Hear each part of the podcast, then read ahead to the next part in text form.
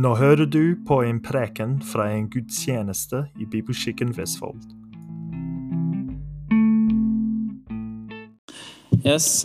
Uh, etter vi, vi leser teksten med en gang. Så slo vi meg i Matteus 21, vers, vers uh,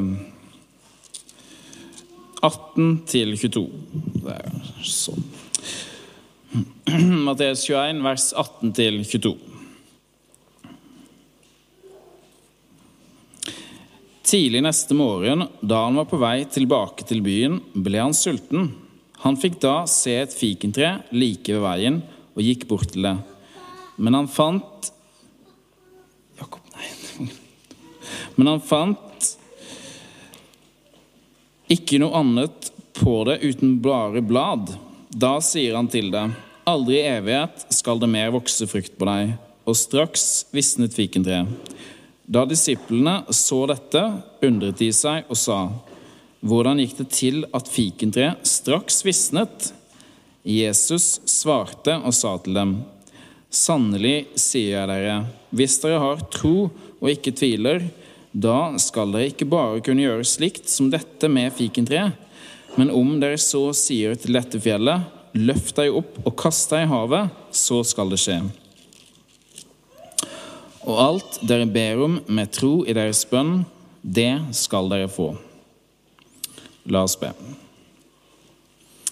Kjære Herre Far, takk for, uh, takk for uh, evangelisten uh, Matteus, Jesu disippel, som valgte å nedtegne denne historien for oss.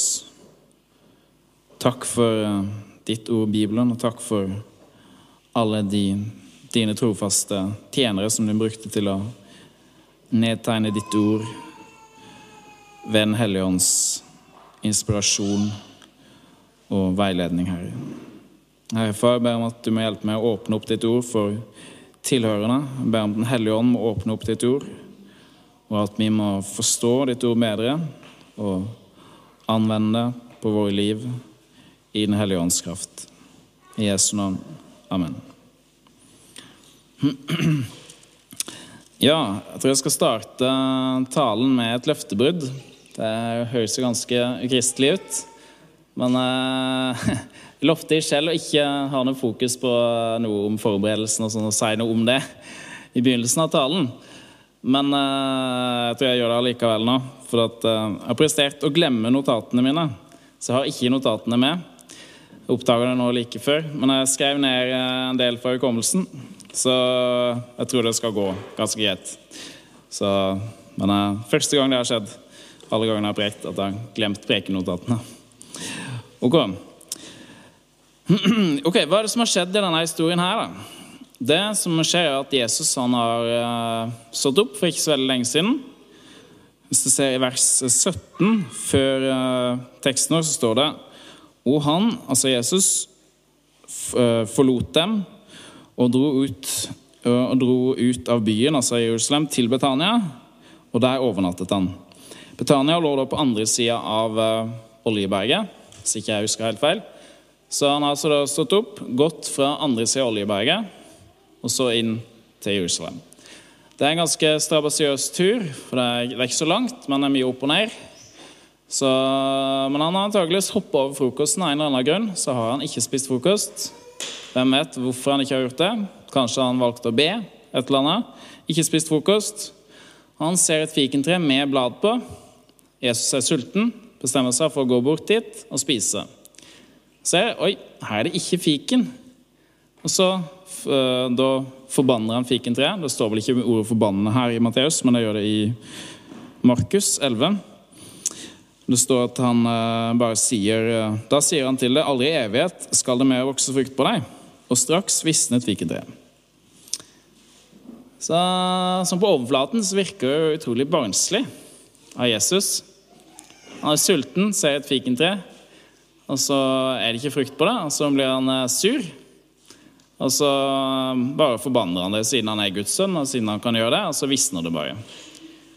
Så se for deg at du ikke er kristen, du kan ingenting om Bibelen, ingenting om Jesus, ingenting om kristendommen, og dette er den første historien du hører om Jesus. Og vil du få et utrolig dårlig inntrykk. da, Vil du tenke at oi, utrolig barnslig. Og den samme konklusjonen som mange liberalteologer har kommet med, som har sett på teksten. De har lest teksten, og så har de kommentert om at dette viser Jesu menneskelighet, at han òg kunne være morasur. Jesus kunne òg stå opp på feil fot, for å si det på den måten, og være i litt dårlig humør og bli irritert på en uh, litt, ganske liten ting. da, Veldig irritert. Og gjøre, gjør ting som ikke er bra. Men vi tror jo, vi vet jo at Jesus er syndfri. Så det kan jo ikke være det som skjer her. Det det, det som virker. Det virker jo som at det er det som skjer på overflaten når du leser historien. Så hva er det som egentlig skjer her? Jo, alt det jeg fortalte i stad, var riktig, bortsett fra opp til det punktet han ser at det ikke er fiken. Og la meg forklare litt mer om fikentreet, forresten. For det står at uh, han fikk se et fikentre like ved veien og gikk bort til det, men han fant ikke noe på det uten bare blad. Uh, hvis vi leser i Markus 11 eh, Markus 11, så vers 13, så står det langt borte så han et fikentre med løv, og han gikk for å se om han kanskje kunne finne noe på det. Men da han kom bort til det, fant han ikke annet enn blad, for det var ikke fikentid. Så I tillegg i Markus så står det at det var ikke fikentid. Noe som eh, kanskje får det til å virke enda mer absurd, det Jesus gjorde. Men det som var, var at eh, fikentreet hadde vanligvis to ganger de ga fiken i Israel. Det var i, mai-juni og fra august til oktober. Men det var jo noen spesielle typer fikener som hadde ga fikene andre ganger. Og Det var et kjennetegn ved et fikentre at hvis det var mye blader på det, så var det fiken på det. Garantert. Iallfall fikenkart, og folk i Israel spiste også fikenkart. Så det at Jesus så at det var et fikentre med blader på, gjorde at han egentlig helt garantert skulle funnet fiken på det. Det var det som var absolutt eh, normen. Vanlig i Israel på den tida. Hvis du så et fikentre med masse, masse blad, så var det fiken på det. Men akkurat på dette treet så var det ikke det. Og jeg tror at idet Jesus så at det ikke var noe fiken på det, så tenkte han at det her er en gyllen mulighet til å gi en fysisk lignelse og utføre en symbolhandling. Og den symbolhandlingen, eller den fysiske lignelsen, var da å forbanne fikentreet. Sånn at det da står her i Matteus at det straks visna. I Markus står det at uh, det gikk en dag til, og så fortsetter historien litt senere, så står det at da det kom til det neste dag, så så disiplene at treet var visna. Så jeg vil tro at Markus' sin versjon er den si, mer historisk korrekte versjonen. Men Matteus sitt poeng er ikke alltid eh, Evangelistenes poeng er ikke alltid å sette opp ting i riktig kronologisk rekkefølge, men det er å ordne stoffet på en sånn måte at det, de teologiske poengene understrekes bedre. Og det teologiske poenget her er at uh, fikentreet er Fikentreet er Israel. Israel har alle de utvendige tegna på at de er religiøse. De har alle bladene, men de har ikke frukten. De hadde eh, tempelet, de har presteskap, synagoger, mange skriftlærde og en religiøs iver tilsynelatende for Gud, men de hadde ikke frukten. Og det største tegnet på det var ved at de avviste Jesus. Og du ser òg at fra Matteus 21 til 23 så kommer det mange domsord mot, mot Israel. Og Rett før så har Jesus rensa tempelet. Og I Markus så kommer kanskje poenget enda bedre fram, for da forbanner han fikentreet først. Går og renser tempelet. Neste dag kommer forbi fikentreet igjen, og så har det visna. Og ikke bare det. Hvis du kommer litt seinere i kapittelet, eh, så er det lignelsen om vingårdsmennene fra vers 33 til eh, ja, cirka vers eh, ja, ut. Fra vers 33 og ut kapittelet. Og jeg tror det er samme poeng med denne fysiske lignelsen som i lignelsen om vingårdsmennene. Og hva er poenget i lignelsen om vingårdsmennene? Jo, der sier Jesus rett ut i vers 43. Derfor sier jeg dere, Guds rike skal bli tatt fra dere og bli gitt til et folk som bærer dess, frukt, dess frukter.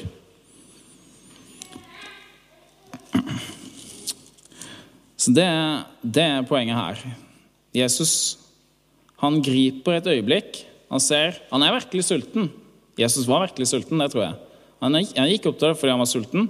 Men idet han så at det ikke var frukt på det, så grep han om sjansen med en gang til å utføre en symbolhandling og til å prøve å lære disiplene noe.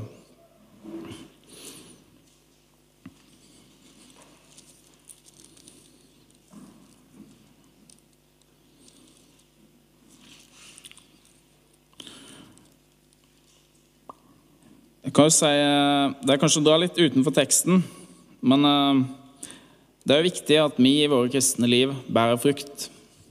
Det er det.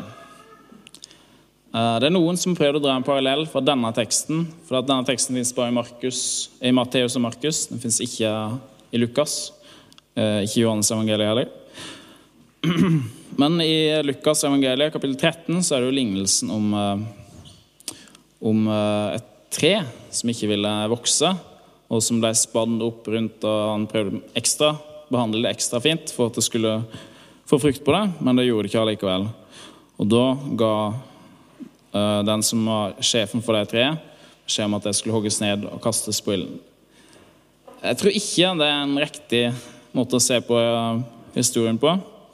Men det er viktig allikevel at vi bærer frukt i vårt liv. Det er det for Gud. Men poenget med det her var at det her bar ikke noe frukt. Hadde det bare vært en liten fiken på det, så tror jeg ikke Jesus ville forbanna treet. Men det var ingenting frukt. Og hvis det er ingenting frukt, i et liv. Selv om det kanskje kan være et ytre, ytre skall av gudelighet og sånn. Men hvis det er ingenting frukt, hvis du vet i ditt hjerte at du egentlig ikke elsker Kristus, at det her er bare fremmed og tørt for deg, og du egentlig aldri har skjønt noe særlig av det her, så er jo løsningen å omvende seg og tro på Jesus. Det er det som er løsningen. Ikke å ta seg sammen og prøve å bli et bedre menneske. Og Hvis du tror på Jesus, så vil du bære frukt. I ulik grad, ja, og òg i ulik grad ut fra hvor mye du forsøker å søke Herren, men uh, du vil bære frukt. Ok. Her ser du uh, da yes, eller disiplenes reaksjon da, i vers 20. Da disiplene så dette, undret de seg og sa:" Hvordan gikk det til at fikentreet straks visnet? Så for disiplene så var det mest interessant for deg å vise, vite hvordan det her gikk til. Altså, hvordan er det mulig? Altså, hvordan er det mulig at uh, fikentreet bare plutselig visna? Så det har jeg ikke skjønt noe av poenget med det Jesus har gjort. Men Matteus har tydeligvis skjønt i ettertid hva poenget med det Jesus gjorde, siden han har skrevet det ned. Men de skjønte ikke noe av det på det tidspunktet. Men Jesus han er jo en genial pedagog, så igjen griper Jesus muligheten ved deres feilaktige spørsmål. egentlig, Så griper Jesus igjen muligheten til å lære deg enda en lekse om noe helt annet. Så da tar Jesus og spinner videre på den. Han besvarer ikke spørsmålet direkte, men han sier Jesus svarte og sa til dem, sannelig sier jeg dere, hvis dere har tro og ikke tviler, da skal bare da skal dere ikke bare kunne gjøre slikt som dette med fikentreet, men om dere så sier til dette fjellet, løft deg opp og kast deg i havet, så skal det skje. Og alt dere ber om med tro i deres bønn, det skal dere få. Så for å svare på disiplenes mer tekniske spørsmål om hvorledes dette var mulig, så svarer Jesus med å fortelle deg om at de må ha tro. De må ha tro, de må be i tro, og tro Gud for store ting. Jesus ga dette eksempelet tidligere i kapittel 17. Det med, altså Hvis du har tro, så kan du si til fjellet 'løft deg opp og kast deg i havet'. Jeg kjenner ikke til noen i kirkehistorien som noen gang har sagt til et fjell 'løft deg opp og kast deg i havet', og det har skjedd. Hvis du vet om en person i kirkehistorien som har sagt det til et fjell, og det har skjedd, så fortell det til meg etterpå. Så jeg tror ikke det betyr bokstavelig talt at vi kan si til et fjell løft deg opp og kast deg i havet. Men eh, det er et eksempel på at hvis du har tro, og du tror Gud for de rette tinga, det som Gud vil, så vil store ting skje. Og du kan regne med at store ting skjer. Du skal ha tillit til Gud for det. Så det er et eksempel på det. Det et uh, Det understreker poenget ved viktigheten av å ha tro. Og vi kan ofte bli sånn Hva skal jeg si Kanskje tafatte eller skeptiske til å snakke for mye om tro, for det er mye misbruk. I kanskje mer noen pinsekarismatiske sirkler så eh, Kanskje ikke alle de, Kanskje i pinsemenigheter så er det sjeldent, men kanskje i de mer ekstreme sammenhengene så kan det nærmest bli sett på som magi at du, bare du velger ut noe, så har du kommet med positiv bekjennelse og kjører på og har kjempesterk tro, så vil, det, så vil det skje, det du tror Gud for. Så Og det, det er jo ikke korrekt hvis det du ønsker, er kjødelig. Hvis du ønsker deg en Ferrari eller Lamborghini og du har veldig veldig sterk tro på at du vil få det, så er det ikke sikkert at Gud har lyst til å gi deg en Lamborghini eller Ferrari. Kanskje ikke. Hvem vet? Skal ikke avvise. Kanskje det fins tilfeller der Gud vil men vanligvis nei, tror jeg. Så, men det er viktig med, med, tro. Det er viktig med tro. Og ikke sånn overnaturlig hva skal jeg si, Ikke sånn tro på at bønn er magi, men uh, at du, du, tror at Gud kan gjøre store ting. Du tror at, uh, du tror at Gud kan gjøre store ting med denne menigheten, gjennom denne menigheten tror at Gud kan gjøre store ting i ditt eget liv. Det er viktig å ha tro.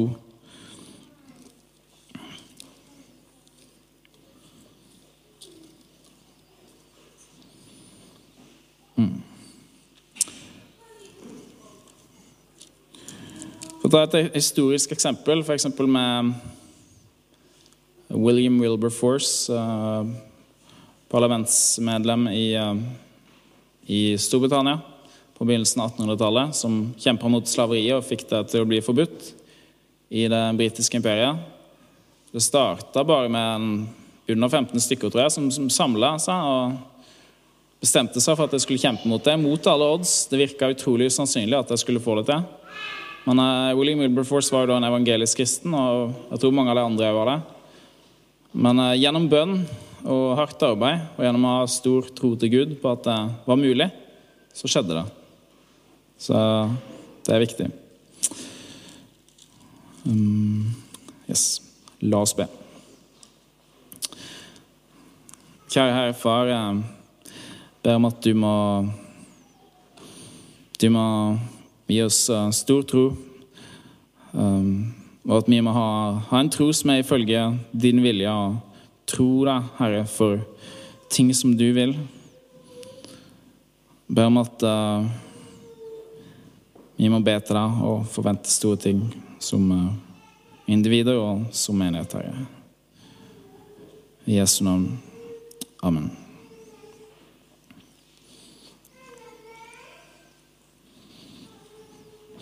Ja, forresten. Veldig mye av det jeg har sagt. Ikke alt. Det mye av det er kopiert fra tale til RC Sproul over samme teksten. Så jeg tenker det er greit å si, så ikke noen av dere hører den og anklager meg for plagiat. Men eh, hvis dere vil, så kan dere følge opp denne prekenen med å finne den og laste ned den Ligonier-appen og høre den prekenen. Den er bra. Takk.